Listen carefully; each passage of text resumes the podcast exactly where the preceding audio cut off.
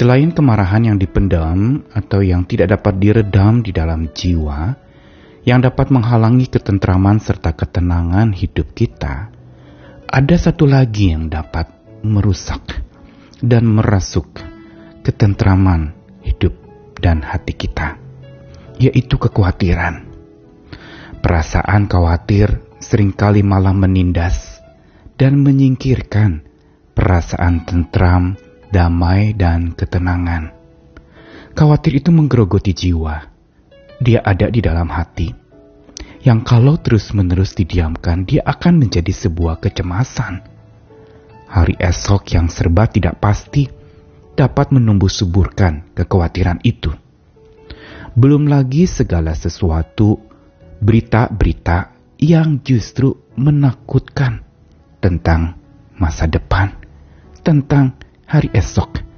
Makin saja rasa khawatir membumbung tinggi, membludak dan memperbudak jiwa kita sampai akhirnya ketentraman pun raib. Tentram hilang, tidak ada lagi yang tinggal di dalam hati. Dia tersita oleh rasa khawatir itu, seolah disandera oleh perasaan kecemasan itu.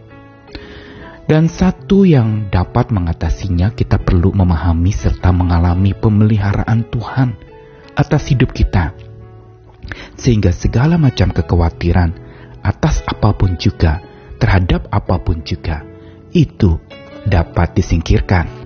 Karena pemeliharaan Tuhan itulah yang menentramkan jiwa kita. Saya Nikolas Kurniawan kembali menemani di dalam Sabda Tuhan Menyapa hari ini dari Matius 6 ayat 26 sampai 27 dilanjutkan dengan ayat yang ke-34.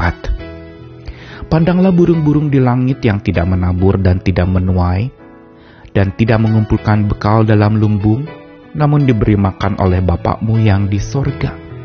Bukankah kamu jauh melebihi burung-burung itu?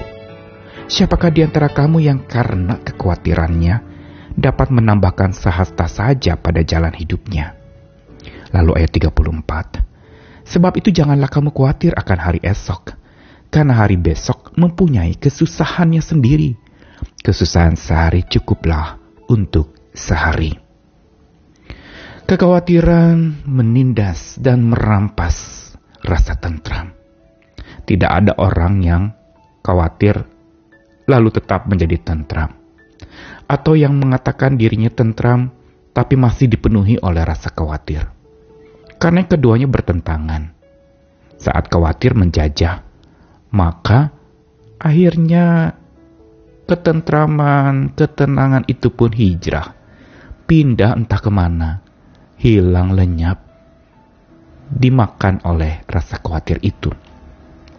Inilah yang Yesus lihat di dalam diri orang-orang pada masa di mana dia melayani.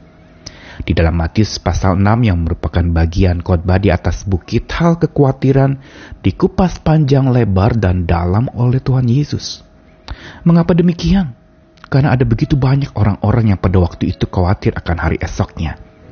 Mereka hidup memang pas-pasan, sulit di dalam penghidupan. Makanan yang sebenarnya mereka butuhkan itu ada di bawah dari nilai kecukupan. Sehingga mereka kerap khawatir, tak habis-habisnya khawatir, dan akhirnya membuat mereka menjadi makin tidak percaya dan mulai mengesampingkan Tuhan. Tidak lagi mencari Tuhan, Sang Pencipta langit dan bumi yang maha kaya itu. Tetapi mata mereka lebih mencari kekayaan di dunia ini yang mereka pikir dapat mengatasi segala macam kekhawatiran hidup mereka. Karenanya Matius 6 ayat 26 diawali dengan sebuah perkataan pandanglah burung-burung di langit.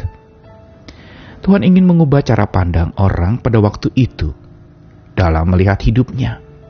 Ketika melihat sekitar, sekeliling, kanan, kiri, depan, belakang, semua serba sulit dan penuh dengan tantangan, bahkan kesusahan yang menumbuhkan kekhawatiran Tuhan ajak untuk pandang burung-burung di langit.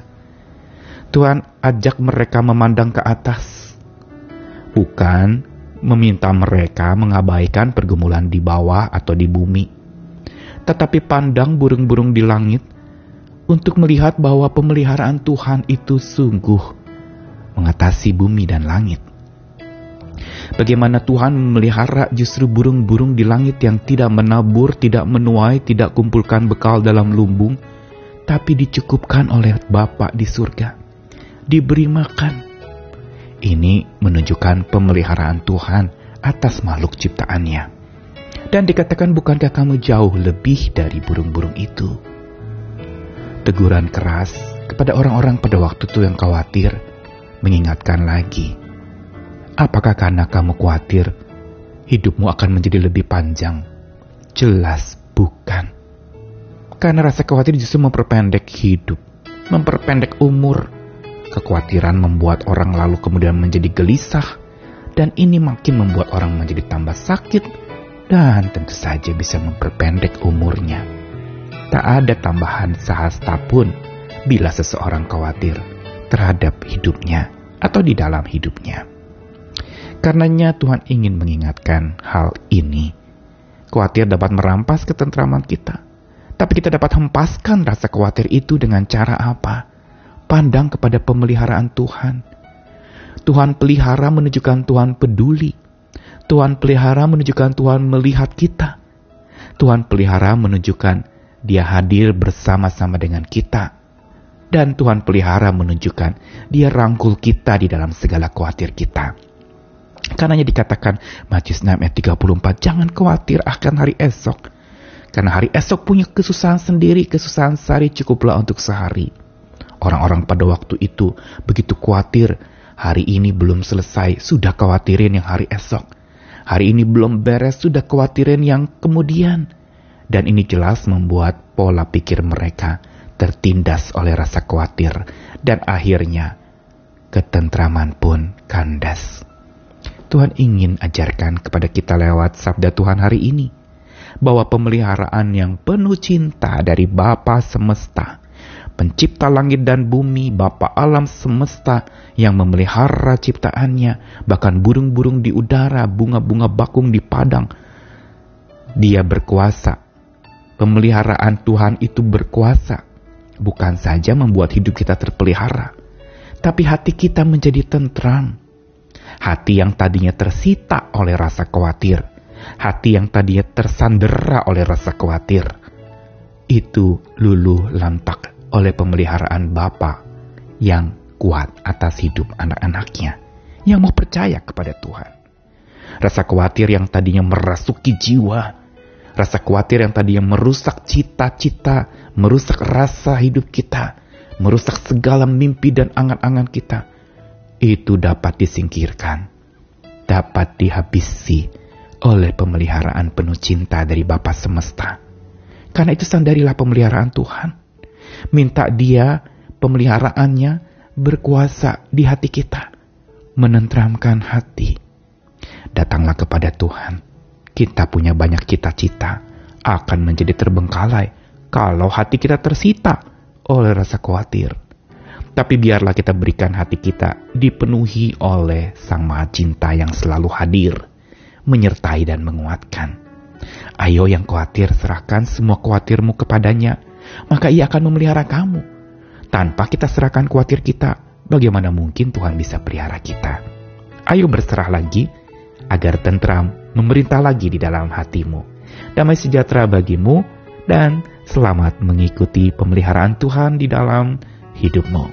Amin.